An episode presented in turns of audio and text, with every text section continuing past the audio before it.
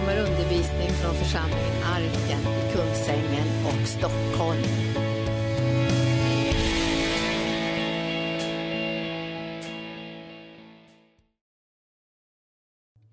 Halleluja! Ni var duktiga igår Anita, det var fantastiskt. Visst var hon härlig Anita igår som ledde det här faddergalan. Och våra ungdomar som sjöng och Göran i kontrollrummet. Och ni ska veta vilket jobb det har varit att förbereda det här.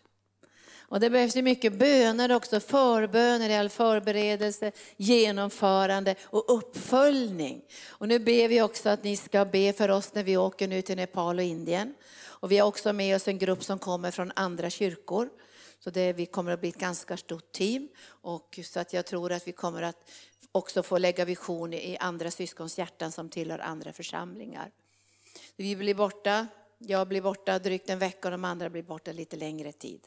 Så be för oss att det inte krånglar någonstans utan att vi får en, en härlig, underbar resa som är förbestämd av Jesus. Så visst är det så här Anita, vi håller ihop kärleken till Jesus evangelium. Sen vill vi ha under och ge den bibliska helande tjänsten. Och sen vill vi ha den här materiella hjälpen. Både när det gäller skolgång och brunnar och kliniker och det ena och det andra. För att också människor ska få hjälp på det praktiska planet. Så det ena utesluter inte det andra. Utan det hålls ihop. Men nu ska ni få se en video. Och det, det handlar mest om den bibliska helande tjänsten. Jag samarbetar med en del ledare på nationell nivå som handlar om att, att starta nya församlingar. Och jag märker när man startar nya församlingar så, så saknas det inte alltid, men ibland saknar man helande tjänsten. Och det här ser ju vi när vi tränar pastorer, hundratals pastorer i Indien och Nepal, också i andra länder då som vi tränar förebedjare och pastorer och ledare. Så märker vi att den bibliska helande tjänsten liksom inte finns där. Och därför åker vi nu till Israel också i december, just för att utrusta ledare i den bibliska helande tjänsten. Och vi märker att den är otroligt viktig, därför skörden säger Jesus, vad säger han om skörden? Matteus 9. Skörden är riven, slagen, som får utan herde. Så när vi kommer nu till församlingar i Nepal och Indien så rustar vi dem i den bibliska helande tjänsten för att de ska kunna öppna upp den i sina församlingar. Och det är tusentals församlingar. Tusentals församlingar. Det är alltså pionjärförsamlingar i Bangladesh, det är pionjärförsamlingar i, i, överallt i Nepal, i bergen, överallt. Och människor är så sargade och, och de behöver lära sig hur flödar man i den heliga ande och samarbeta med den heliga ande. Så ni får bara se lite grann här nu och sen ska, vi, ska ni få ge nu en andra underbar andra kollekt till den bibliska helande tjänsten. Och det är på det internationella planet. Sen arbetar vi också på det nationella planet. Att vi måste ha helande tjänsten mer eller mindre i alla församlingar utöver Sverige, Norden. Det räcker inte att klappa någon på axeln, vi tänker på dig. Eller fem minuters bön. Alltså det behövs mera utrymme, mera tid för att Jesus ska få möjlighet att hela och upprätta. Så varsågoda, då kan vi se på den här lilla videon. Under 40 års heltidstjänst för Gud har Linda Bergling rest i många länder, undervisat och tränat pastorer och ledare i biblisk helande tjänst. Hon är en välkänd och eftertraktad bibellärare med mångårig erfarenhet av att betjäna människor upplevt svåra trauman, psykiska problem och kroppsliga sjukdomar. Hennes tjänst präglas av en stor öppenhet för den heliga Andens ledning, Andens nådegåvor och en stark kärlek till Jesus. Jesu försoningsverk lyfts alltid fram som den enda hållbara grunden för bibliskt helande till kropp och själ. Genom Lindas tjänst har tusentals människor världen över upplevt starka gudsmöten, fysiska helanden, frihet från sår och smärtsamma minnen och fått upprättelse till att leva ett nytt liv i närhet och kärlek till Jesus. I november reser pastor Linda till Nepal för att inviga ett flickhem som byggs för att rädda utsatta flickor. Vi kommer anordna helande möten samt samla pastorer och ledare från Nepal till undervisning och träning i förbundstjänsten. Resan kombineras med ett besök på församlingen Arkens utvecklingscenter i Kolkata, Indien. Där Linda kommer att samla pastorer till ett seminarium med trostärkande undervisning om helande, befrielse och upprättelse. I december kommer Linda att besöka messianska församlingar i Israel. Arbetet i Israel började för snart 15 år sedan med helande konferenser och fortsätter nu genom seminarier, personliga besök, uppmuntran, undervisning och träning av pastorer och förebedjare som vill starta helande arbeten i sina församlingar. Under våren 2019 kommer Linda att undervisa och träna pastorer och förebedjare i Vitryssland som en fortsättning på den stora konferens som anordnades hösten 2017. Vi planerar också för att återigen åka till Filippinerna för att träna pastorer och ledare. Konferensen samlar pastorer från hundratals öar i hela landet. Många av dem står i pionjärarbeten under mycket svåra förhållanden. Konferensen ger dem hopp, kraft, uppmuntran, inspiration och tro på Guds ingripanden och mirakler i deras liv och tjänst. Du har möjlighet att vara med och sprida den bibliska helande tjänsten över världen. Tack för din gåva in i detta arbete.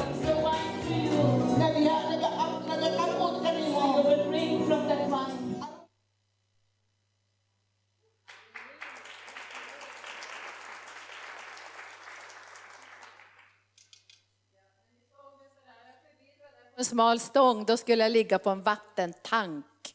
Och det var så mycket kackerlackor där så att jag tror någon av ungdomarna satt hela natten på en stol. Och klockan fem på morgonen började kuckeliku! Och hundarna började skälla. Men när man stod på den där ön så kunde man predika för hela ön. Evangelium, tack Jesus. Så nu ska ni få ge en gåva till den internationella helande tjänsten. Och vi önskar också översätta böcker till landets språk. Så vi har många sådana här planer som vi bedjer ut på olika sätt. Men nu ska ni, då har ni vi har ett särskilt postgironummer då, så ni har sådana lappar som mötesvärdarna delar ut, som är eh, troslöften. Och där står det mission, gåvor, streck, gåvor. Och då behåller du i originalet och lägger kollekt, i kollekthinken kopian. Och sen kan vi också ge, ge den via bankterminalen, för nu går Pirjo ner dit. Då så är du med i det här internationella.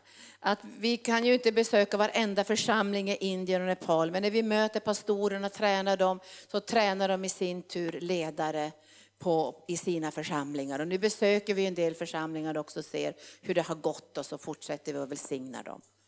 Men det, det inspirerande, det är roligt, det är utmanande att få se så många pastorer säga ja till den bibliska helande tjänsten och sätta tro till Jesu försoningsgärning, till Guds löften genom Jesus, den heliga ande och andens nådegåvor. Och sätta tro också till att Jesus lever idag.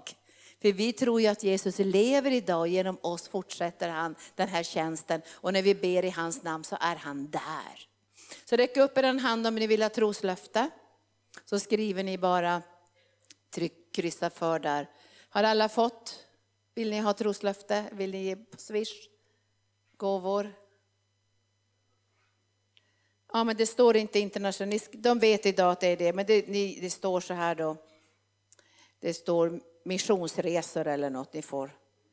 Vi vet vad det är idag när vi kollar det här efteråt. Men ni måste ha det här missionstroslöftet idag. Tack Jesus. Åh, vi prisar dig, vi prisar dig, vi prisar dig. Tack Jesus.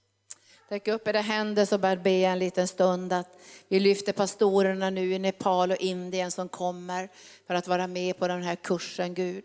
Att de ska få smaka på helande smörjelsen. Att de ska känna att det här är viktigt som pastorer att ge utrymme för helande tjänsten i församlingen.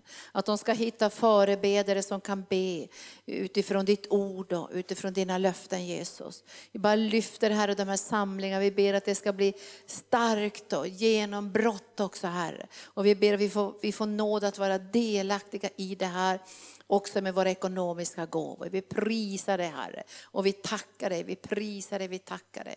Tack underbara Jesus, tack underbara Jesus, tack underbara Jesus för välsignelse över den här dagen, över arkens helande tjänst. För det är inte jag som är där ute själv utan det är arken som är där ute. Det är arken som är där med sitt hjärta hjärta. Så när jag är där så är arken där och vi tjänar tillsammans och välsignar ut över världen. Och jag prisade Gud för den här starka kopplingen till arkens hjärta utmaning och kallelse som vi har fått här.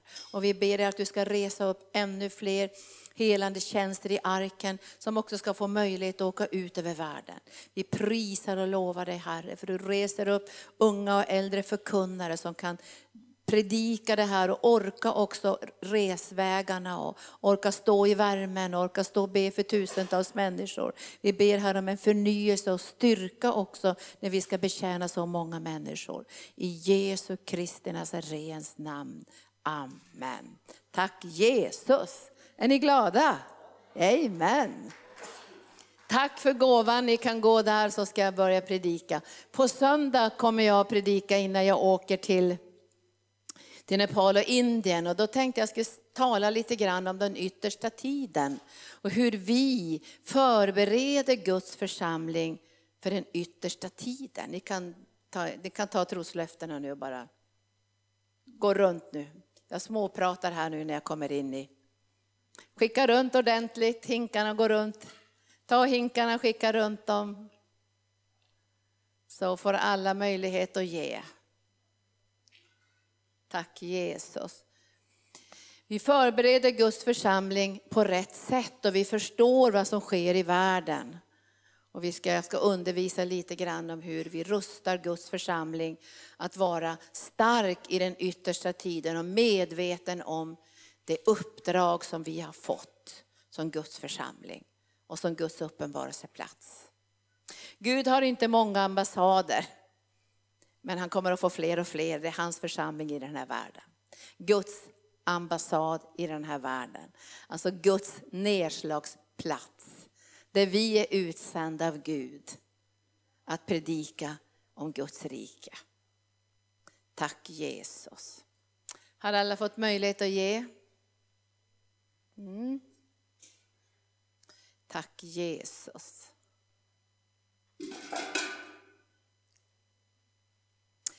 Då ska ni få, vi ska ha ett bibelställe som ska vara huvudbibelstället idag. Och det kommer att vara Jesaja 58.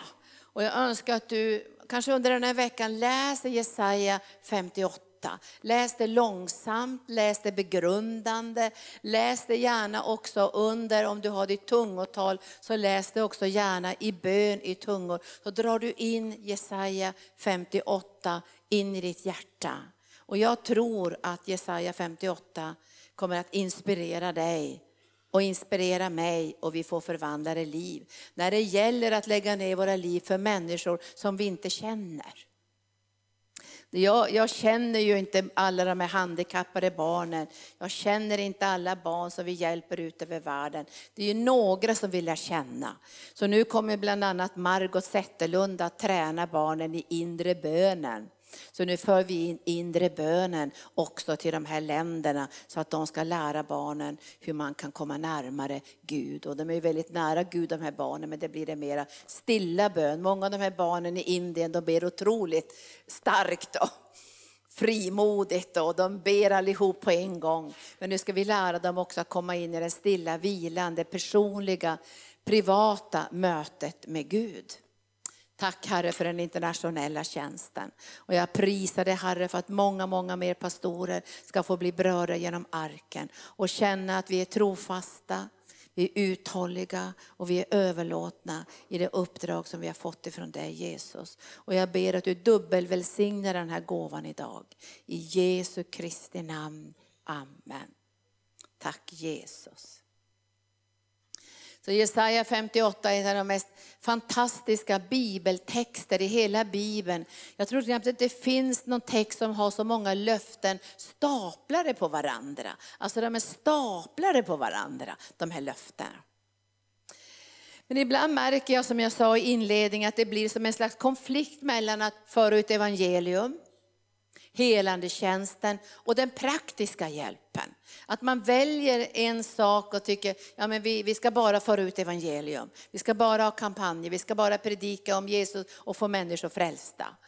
Och så kan andra säga så här, nej men det är det sociala som är viktigt. Vi ska gräva brunnar, vi ska ha hjälp till självhjälp och vi ska hjälpa människor som har dålig syn och vi ska hjälpa människor som barn som föds med gomspalt och, och, läpp, och så att vi ska kunna operera det. Vi måste hjälpa till på det praktiska sättet med kliniker och allt det här. Och så kanske andra säger, där. Nej, men det, det, det, får andra göra, utan det är helande tjänsten som är viktig. Vi ser så många barn med trauma och lidanden och sjuka. Det är helande som behövs. Men jag tror att alla tre delarna behövs, för det är Jesus. Det är Jesus alla de här tre delarna. För evangelium bär också helande tjänsten. Evangelium bär omsorgen om människor. För Jesus säger, vi kan inte bara säga så här, klä dig varmt och ät nu, hej då. Utan man måste också ge människor det de behöver. Men vi kan inte göra allt. Men vi kan göra det som Gud har kallat oss till. Men jag brukar säga så här, för jag berättade för er när jag var på någon, i någon kyrka här förra veckan, så presenterade de mig och sa så här, Linda vill hjälpa alla i hela världen. Ja, jag bär det i mitt hjärta, jag skulle vilja hjälpa alla i hela världen. Men jag vet om att det kan inte vi göra. Men vi kan hjälpa dem som Gud har särskilt lagt i vårt hjärta. Många saker vi har i arken har inte vi liksom gått och valt så där så vi har suttit och tänkt, det här vill vi göra. Vi har fått det av Gud. Vi har fått det av Gud. Det här med handikappade barn, jag har knappt tänkt på handikappade barn. Alltså det har varit ganska långt bort från min värld. Jag har inte träffat så många handikappade barn. Och så gav Gud oss mängder med handikappade barn i Vitryssland. Vi fick dem i ett förvaltarskap. Så det är så att Gud har anförtrott arken olika saker och vi har tackat ja till det. Och vi har sagt Herre, det vill vi förvalta för att du har gett det till oss. Och ibland har vi varit i bönesvar också för barn. Alltså jag minns en gång när jag fick höra när jag kom till Indien att en grupp barn som inte hade någon sponsor hade ropat till Gud och gått i bön över hela jorden sådär till olika länder och så hade de bara stannat med fingret, Sverige. Och då, och då, då, då, då var det som att Gud sa så här, ja men han fick fingret på arken. Så vi fick dem också. Så vi har tackat ja till Herren i, i den här utmaningen och vi är inte färdiga än, för vi är en pionjärförsamling. Jag vet inte Anita om vi är på 60 eller 65 olika projekt genom åren, kanske lite mera. Men vi ska ha minst 100 och mycket mer än 100. För när jag går hem till Herren så tänker jag att ha rustat en ung generation och försöka lära dem allt jag har lärt genom åren för att de ska vara pionjärer. När jag träffade Ulf Kristiansson igår så brukar vi skoja och säga 1973 var han och jag på gatorna som gatuevangelister. Och vi samlade ibland tusentals människor i jättestora tält. Vi var ju med amerikanska Jesusfolket då, så det var ju pionjärt. Men det som saknades då, det var församlingar. Folk blev frälsta, ibland flera hundra, men vad tog de vägen?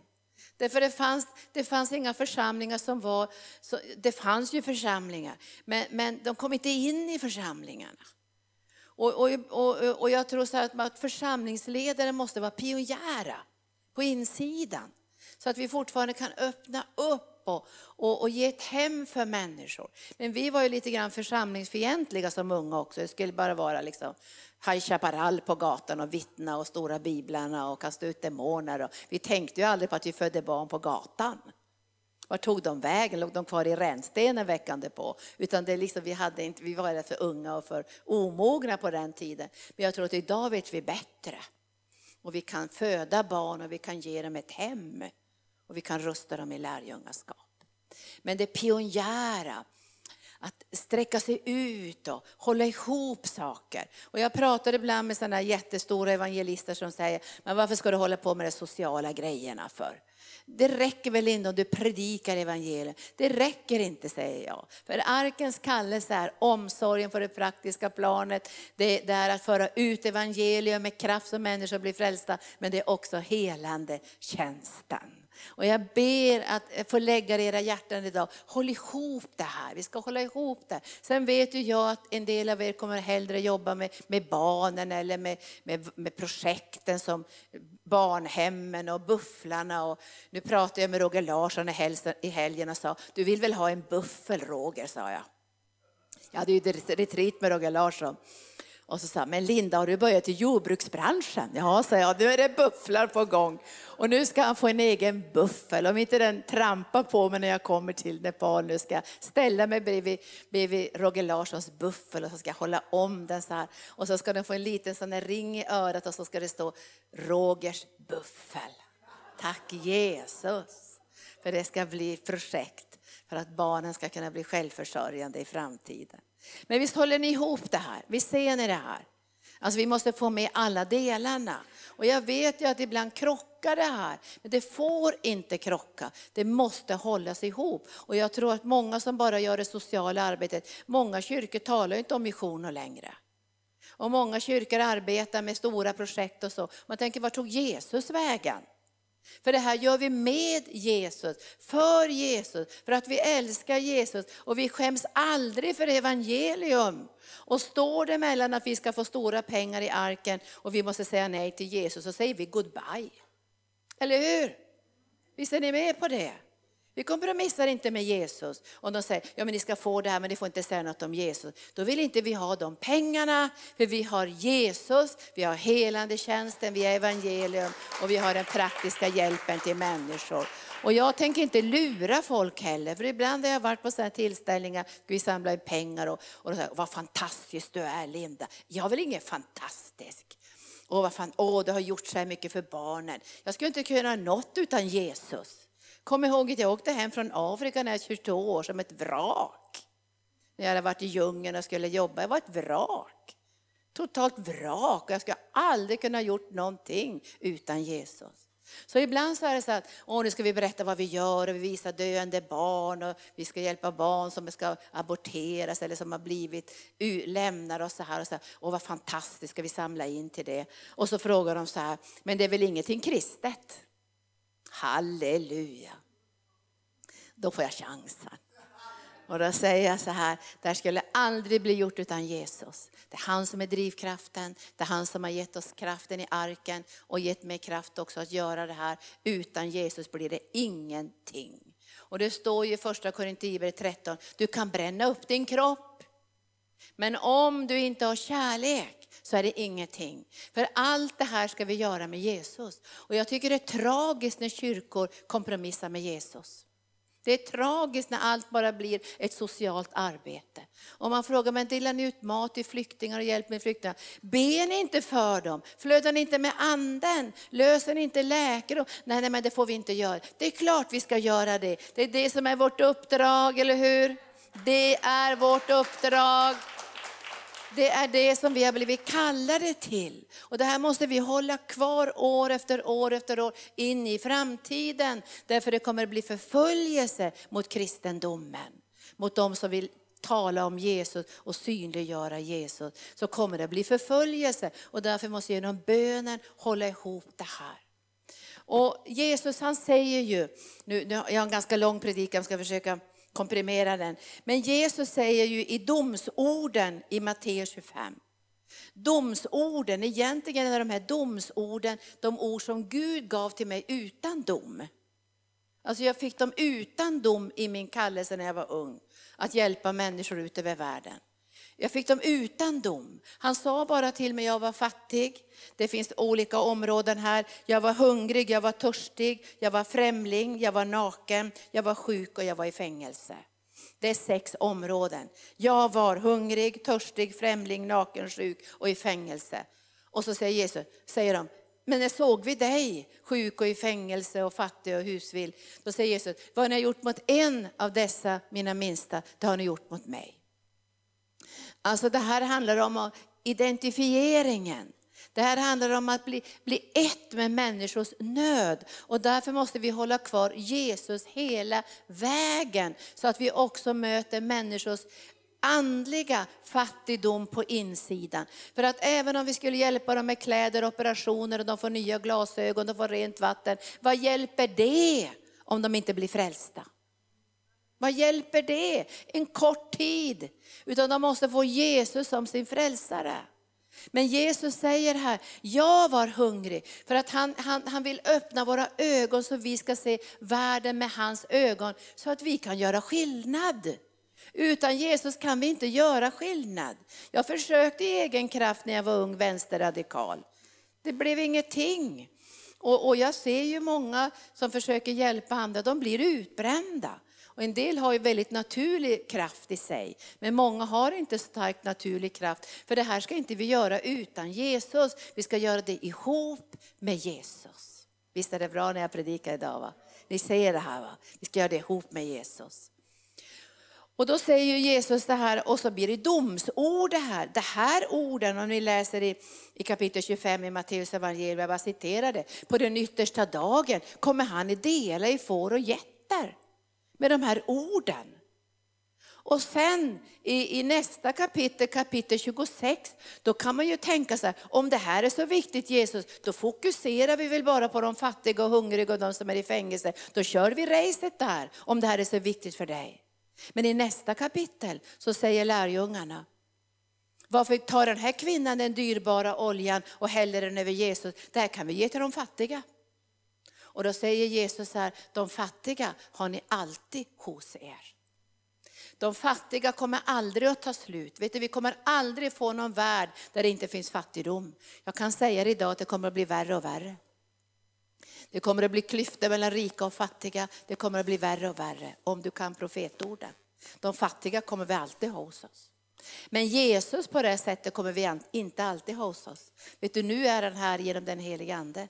Men en dag kommer han på himmelens skyar. Och alla kommer att se honom. Och därför säger Jesus så här, ja men de fattiga har ni alltid hos er, men ni får aldrig glömma prioriteringarna. Och den här kvinnan i kapitel 26, hon häller det dyrbaraste som hon har över Jesus. Och jag vet, ska vi klara av att hjälpa människor i en allt mörknande värld, där det finns så mycket våld och så mycket korruption. Jag möter ju unga eh, sådana här brinnande människor som vill hjälpa andra över världen. utan de kan åka hem efter något år fullständigt besvikna, därför det finns så mycket korruption, också bland kristna. De blir lurade, det här handlar om pengar. Och den här naiviteten ni vet, som jag också hade när jag var ung. Liksom. Jag ska hjälpa hela världen och alla är snälla och alla tänker som oss och ingen bryr sig, ingen kommer att missbruka pengar. Glöm det. Därför att det finns mörker och nöd och fattigdom finns också korruptionen. Och därför behöver vi stabila partner, långvariga relationer, vi behöver rapporter rapporteringar, förvaltning av pengarna. Också de delarna är viktigt för att behålla kärleken i hjärtat. Jag har mött sådana som har sagt, så när jag blivit lurad i, i några år här av våra partner, om det var Uganda eller Afrika eller någonting, och de sa aldrig mer. Vi kommer inte att hjälpa folk, det är så korrumperat. Men jag önskar att vi ska behålla den här kärleken och drivkraften genom att ni häller det första och det viktigaste över Jesus. Jesus är prio nummer ett. Vi häller det dyrbaraste och kärleksoljan över Jesu huvud håller våra hjärtan brinnande ända in i evigheten. Vi kan inte kanske undkomma all korruption, men jag ska säga arken har fantastiska partner. Vi har rapporteringar, vi har, vi har liksom ansvar hur vi förvaltar ekonomin. Vi har hållit på med samma partner, jag tog uppåt 30 år. Så vi känner dem liksom utan och innan. Nu ska vi gå till den här fantastiska texten i Jesaja 58 som jag faktiskt lever av. Mycket, de här löftena. De har hållit mig också under alla de här åren att inte ge upp arkens helande tjänst över världen, arkens missionsarbete. Och att få också, och jag har fått mycket inspiration av våra fantastiska medarbetare. Ni ska veta, här finns det fantastiska medarbetare som har lagt ner sina liv för att den här visionen ska kunna förverkligas. Och nu säger Herren, jag ska inte läsa allt, men jag ska, jag ska läsa att eh, Herren vill ha en fasta. I fjärde versen säger han, jag vill ha en fasta så att eran röst blir hörd i höjden.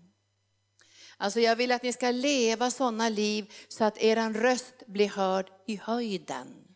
Alltså det betyder att, att vi får bönesvar, att vi kan göra det Gud har kallat oss till.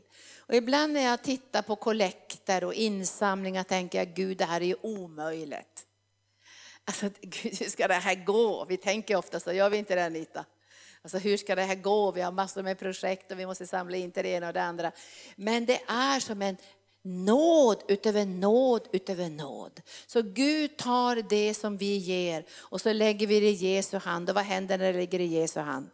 Det kan räcka till 5-10 000 människor. Från början var det bara en pojkes matsäck men i Jesu hand. Och det här håller vi fast vid varje dag och varje månad när vi tittar på pengar som kommer in från faddrarna och, och hur pengar har kommit in till missionen. Så lägger vi det in i Jesu hand och så säger vi välsigna det. Vi önskar att få vår röst hörd i höjden så vi kan påverka nationer. Vi vill inte bara vara snälla och göra en social insats. Vi vill påverka nationer med evangelium. Vi vill ha en röst som har ett gensvar från himlen så vi kan vara med och förändra. Visst vill ni det? Och så kommer de här fantastiska löftena. Han säger så här, nu ska jag börja läsa det i sjätte versen. Han säger, när detta är den fasta jag vill ha, lossa orättfärdiga bojor och lös okets band. Släpp de förtryckta fria, bryt sönder alla ok. Och det här har vi gjort väldigt praktiskt i arken när det gäller Olongapo. Ni hörde ju vittnesbördet från en ung flicka igår som hade varit prostituerad. Vi brukar, när vi åker till Filippinerna, till Cebu till exempel, då, tar, då låter vi flickorna komma från Olongapo. Då betalar vi från arken deras resor till Cebu, hotellrum och sen får de ta med sig sina barn och så får de vara med på tre, fyra dagars konferens och rekreation. Och där har ni varit med. Och så lossar vi de här oken och banden och depressionerna och felaktiga bilden på sig själv och så får de gråta och ta emot ifrån Gud och så får de en ny identitet och självbild och så kan de börja tjäna Herren. Visst är det härligt det? Vi får vara med i det. Nu mötte ni bara en flicka här hemma, men vi har ju massor med flickor vars liv har blivit förvandlade som nu är evangelister för Jesus i de här värsta prostitutionskvarteren. Och jag, kan inte, jag, jag, kan knappt bo på de här hotellen i Filippinerna för jag blir så aggressiv faktiskt. För att se så här stor tjock gubbe från Sverige eller Norge eller något, ja, England och ibland från Tyskland och så. Så går de med två småflickor in till hotellrummet. Då får jag lust att gå efter och bara säga In the name of Jesus I cast out these demons. Det är vad jag känner i mitt hjärta. Alltså det rör mitt hjärta till en förtvivlan. Och skulle inte jag känna att jag kan gå till Gud med det här och lösa ut smörjelsen och tänka att jag ska bryta de här orättfärdiga oken på så många som möjligt så de här flickorna ska komma ut i frihet. Ni är med i det. Så det är härligt. Vi är med i det tillsammans. Och så säger Herren så här. Dela ditt bröd med den hungrige, ge den fattiga och hemlösa en boning, klä den nakne där du ser honom, dra dig inte undan för den som är ditt kött och blod. Vi kan inte hjälpa varenda människa i hela världen. Men det vi kallar det ska vi göra bra, uthålligt och med tålamod och, och med, med kärlek till människor. Så ska vi göra det bra. Ibland kan man ju få kritik för vi har inte gjort nog. Men vi kan bara göra det som Gud har kallat oss till. Och får vi mera nåd och mera pengar och utvidgade hjärtan så kommer vi, har vi ingen begränsning i allt det som vi kan göra utöver världen. Men vi måste vara trofasta i det vi har kallelsen till. Men så säger Herren, nu kommer det här. Nu kommer första löftet. Då ska ljus bryta fram som gryningen. Då ska ljus bryta fram som gryningen och ditt helande ska växa fram med hast. Vilket löfte! Då ska ditt ljus lysa fram som, bryta fram som gryningen. I, I mörkret såklart. I ditt mörker, i mitt mörker ska ljus bryta fram. Och det står att ditt helande ska växa fram med hast. Så när jag tjänar Herren på de här platserna i världen, då håller jag fast vid det här löftet. Att mitt helande ska växa fram med hast. Därför att jag har lagt mitt liv för, det på altarplatsen för att hjälpa andra och de här löftena tillhör mig. Och det här är fantastiska löften. Och nu ska jag läsa ännu mera löften. Och din rättfärdighet ska gå framför dig och Herrens härlighet ska följa i dina spår. Och då ska Herren svara, när du åkallar honom och när du ropar ska han säga, här är jag. Det är väldigt många människor som ropar ut över världen. Vi är många människors bönesvar som har ropat. Och då har vi ett löfte att när du ropar, då kommer Gud att säga, här är jag. Och hans rättfärdighet ska gå före dig och efter dig. Det betyder, du är i Guds beskydd. Vilka fantastiska löften. Och så säger han så här. Han säger i tionde versen, om du delar med dig av vad du har åt den hungrige och mättar den som lider nöd. Då ska ljus gå upp för dig i mörkret och din natt ska bli som middagens ljus. Vilket löfte! Vad som än händer dig, vad som än händer dig. Jag påmindes, jag blev ju opererad för när jag var 42 år så fick jag cancer och, och, fick gå igenom en ganska jobbig situation. Och när jag hade gått igenom det där och, och, och träffat läkarna därefter och som satt i ett rum så sa de, ja nu vill vi berätta för dig Linda vad som kommer att kunna ske efter den här operationen. Och så började de räkna upp. Ja, du, det är så här att vi har tagit bort lymfkörteln så du kommer nog få ödem i båda benen. Och jag sa så här, glöm det sa jag i namnet Jesus. Och sen sa de så här, ja då måste vi berätta för dig att i och med att du fått så mycket strålning så kommer du få väldiga problem med din ändtarm. Glöm det, sa jag i namnet Jesus. Det står jag emot. Och så sa de, så kommer du få det här ena och det andra, bla bla bla bla bla. Och jag sa, tack för informationen, men den ska böja sig i namnet Jesus. Under ett namn som är över alla andra namn. För jag har de här löftena, eller hur? Har inte du de här löftena? Vi får tacka Gud för det finns snälla fina läkare som säger alla biverkningar som ska komma ske i ditt liv. Men du har ju ett annat namn, eller hur? Jag har aldrig haft något ödem i mina ben, har aldrig haft något problem med min ändtarm, har aldrig haft problem med någonting efter det där. För jag gjorde ett beslut i den heliga Ande att jag hade del i Guds välsignelser. För jag har lagt mitt liv på altarplatsen sedan jag var ung att hjälpa människor ut över hela jorden. Och gäller det inte här mig, då kan vi bara släppa det. Eller vad säger ni? Men jag proklamerade ett ljus i mörkret ska lysa in i mitt liv. Och vem ska jag lyssna till? Jag kan lyssna till läkare också, men jag har en annan överläkare som jag lyssnar mera på. Halleluja. Håller ni med mig idag? Tycker ni att det är tufft när jag säger det här? Men det här är fantastiska ord.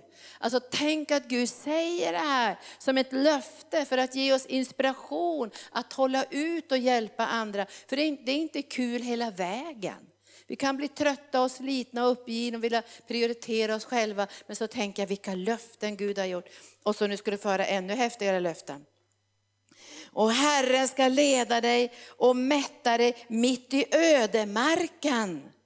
Och han ska ge styrka åt benen i din kropp. Glöm inte bort Guds löften. Han ska ge styrka åt benen i din kropp och det behöver du. För ibland har vi stått och bett för tusen människor med handpåläggning så man kan få ner armen efteråt. Och sen ska du ha styrka i benen också när det är 35 eller 40 grader varmt. Måste du ha styrka i benen. Men vilket löfte! Håll fast vid det här. Det här är ett löfte som Gud ger, inte till mig bara, det är till dig.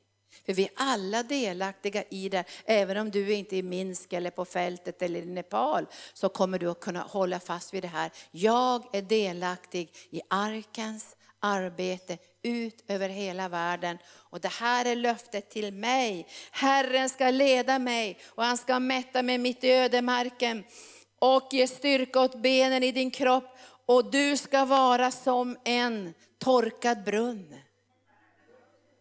Va? Du ska vara som en vattenrik trädgård och likna en källa vars vatten aldrig sinar. Alltså det här är Guds löfte till dig. Det här är det som vi ska hålla fast vid. Vi ska hålla, det här ska vi säga varje dag till oss själva. Du är en vattenrik trädgård. Du saknar inget vatten. Därför det som djävulen säger idag, du är ingenting, du är uttorkad, snart kommer allting gå sönder i ditt liv och du kommer inte orka någonting. Alltså det är det vi bombarderas med hela tiden in i våra liv. Och då måste du stå emot mörkret med Guds ord och Guds löften. Allt sker inte på fem minuter, det kan vara en process också. Men löftena är sanna och vi ropar Hosianna. Tack Jesus. Och nu kommer det ännu bättre. Det här är, det här är ju till, till oss som står i ledarskap mycket, men det är till dig också. Dina avkomlingar ska bygga upp de gamla ruinerna och de ska återställa grundvalar från forna generationer och de ska kallas de som murar igen sprickor och de som återställer stigar så att man kan bo i landet. Och jag ropar till Gud att, att och när vi går vidare med arken om 30, 40, 50 år ska det inte vara stapplande knän. Utan man ska kunna ha vägarna farbara som människor ska hitta. Var är Guds församling? Finns det något helande? Man vet ju inte ibland om man går in i kyrkan, nu är det yoga de har idag. Eller regnbågsmässa. Eller är det något annat som kommer här? Alltså människor ska veta när de kommer in i Guds församling, då ska de möta Jesus. Det ska vi bevara för framtiden. De ska möta Jesus. Och de ska veta vem Jesus är i Guds församling. Och vi ska göra stigarna farbara. Vet du, människor vet inte vart de ska gå. Och jag skäms ibland själv över det. För när jag hade retreat nu med Roger Larsson så kom det en flicka från Åkersberga. Och så sa hon så här, jag, jag har bott i Åkersberga massor med år och jag har aldrig hört talas om Arkens retreatcenter. Jag har aldrig vetat om att det fanns något sånt där ställe förrän, förrän jag såg det av en tillfällighet. Det skäms jag då. Varenda en i hela Åkersberga ska veta om att Arkens retreatcenter finns. Om de vill åka dit är ju en sak. Om de har lust att bli frälsta är en annan sak. Men de ska känna till att detta center finns. Så sitter de hemma där framför tv-apparaten och känner, jag får sån ångest, jag får sån ångest, jag måste få hjälp. Då ska det höras här, Arken, Sjöhamra gård och vägen ska vara banad för människor att hitta hem. Och det är andlig marknadsföring. Det är inte den här manipulerande marknadsföringen. Det är andlig marknadsföring som människor ska hitta vägarna. Och den unga generationen, den äldre generationen kommer att stå sida vid sida för att återställa murarna och få igen sprickorna. Vet ni, sprickor är jättefarliga i Guds församling. Vet du, om det blir en spricka i muren, vem kommer in genom den sprickan? Mörkret. Och om det blir en spricka i församlingen så är det inte de starka som far illa, det är de svaga som far illa. Och sen står det så här, om du, så står, nu ska jag läsa den sista versen här, löftesorden. 14 versen. Då ska du få fröjda dig i Herren och jag ska föra fram dig över landets höjder. Och jag ska låta dig njuta din fader Jakobs arvedel, så har Herrens mun talat. Så att när vi satsar in i Guds rike och in i mission och hjälparbete och bygga kliniker och allt det här. Du kommer inte att bli fattig och deppad och bara bruna strumpor kvar. Att nu har nu är jag bruna strumporna på arken med hål i stortån. Det var det enda som blev när jag och tungt är det också och jobbigt att hålla på med det här. Herren säger så här, du ska upp på höjderna. Alltså du ska få se vad det här innebär. Glädjen hos Jesus att vi engagerar oss. För varför skulle han annars ha en sån dom? I den yttersta domen. Jag var hungrig, jag var törstig, jag var naken, jag var i fängelse. Och sen säger han så här, när såg vi dig, säger människorna, hungrig och törstig. Där såg vi dig. Alltså vi måste se det här genom Jesu ögon för att kunna fortsätta ha den rätta drivkraften och tjäna Gud. För om det bara handlar om vad vi tycker om. Och ibland tänker jag så här, hur kommer det sig att Gud väljer ut mig att hjälpa barn? När jag var ung så sa jag så här, jag kommer aldrig vilja jobba med barn. Jag kommer aldrig vilja jobba på dagis. Jag kommer aldrig, det, det var liksom otroligt långt bort från mig det här att jobba med barn emotionellt och utbildningsmässigt. Och då tänkte jag så här, ja men det var ju nog den rätta kandidaten. För min drivkraft är inte en naturlig kärlek till barn och att jag har gåvorna på det här området, utan det är en kallelse ifrån Gud som är lagd i mitt hjärta. En del av oss har mera kallelse med till barn och så här. Men ibland tror jag att när Gud utväljer så behåller man mera kallelsen också genom jobbiga tider. Därför är det inte grundat i en slags emotionell beröring på insidan. Det är grundat i Guds hjärta. Och jag såg ju i anden hur djävulen ville äta upp alla barnen. Har de inne i okulta skolor. Tänker ni nu, nu ska barnen ha dödsgrejer gå med döds, dödskallar och leka döden och de ska hålla på med häxor och allt möjligt. Det har inte vi på vår skola. Det har inte vi på vår förskola. Då ska de få vara ljuset och möta Guds kärlek och livet från Gud. Och det är det vi vill ge barn över hela världen. Och jag tackar Gud för Göran och gänget som leker med barnen sen. Jag lägger händerna på dem att flöda profetiskt. Och sen säger jag till Göran, nu får du ta över till Else-Marie och de andra. Och så och leker vi också med barnen och grejer med alla möjliga saker. Men jag känner mitt uppdrag är det profetiska. Tänk att få tala in i en nioårings liv vad Gud har tänkt. Och så ser jag nu en 35-åring, 40-åring som har ett stort arbete över hela Nepal. Då känner man att livet är värt att leva. Tack Jesus. Vilka fantastiska löften. Jag ger det här till dig för att du aldrig ska ge upp och tänka, ja men det där får missionen får någon annan sköta. Utan det här gör vi tillsammans. Och Gud kommer att övervälsigna dig. Och du kommer att arbeta för att få partner och få tag på företagare. Så vi kan bygga mer och hjälpa mer. Vi kan expandera. Vi ska inte liksom ställa till här i arken. Ja men arken var en gammal etablerad församling. Vi är ingen etablerad församling. Vi är en pionjärförsamling. En expanderande pionjärförsamling som säger ja till Gud med alla de människor som kommer in och sätter till sin skuldra här. Så nu ska vi få lite lovsång och kommer snart att börja känna lukten av den goda maten. Jag hoppas ni tar det lite lugnt i eftermiddag, det här blir en härlig söndag.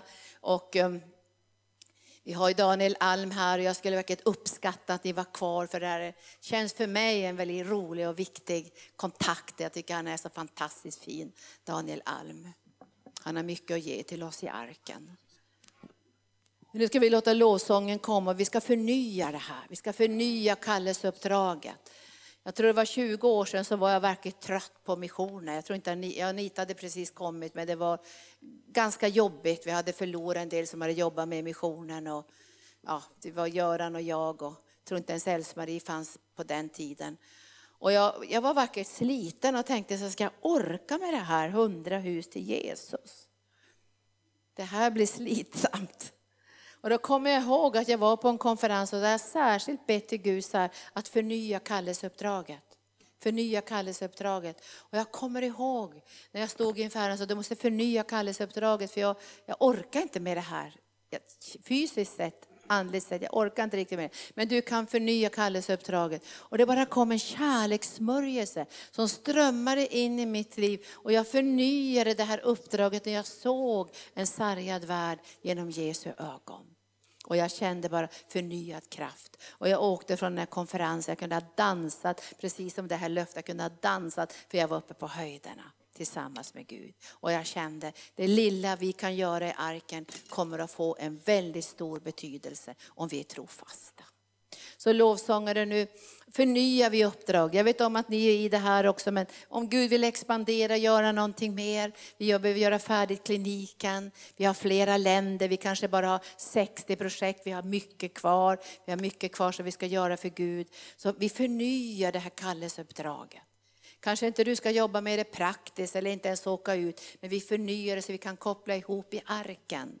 För vårt gensvar tillsammans är så viktigt för att Gud ska våga anförtro oss mera.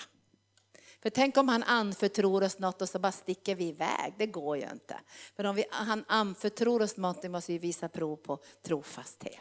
Så vi ber dig nu helige Ande i den här lovsången.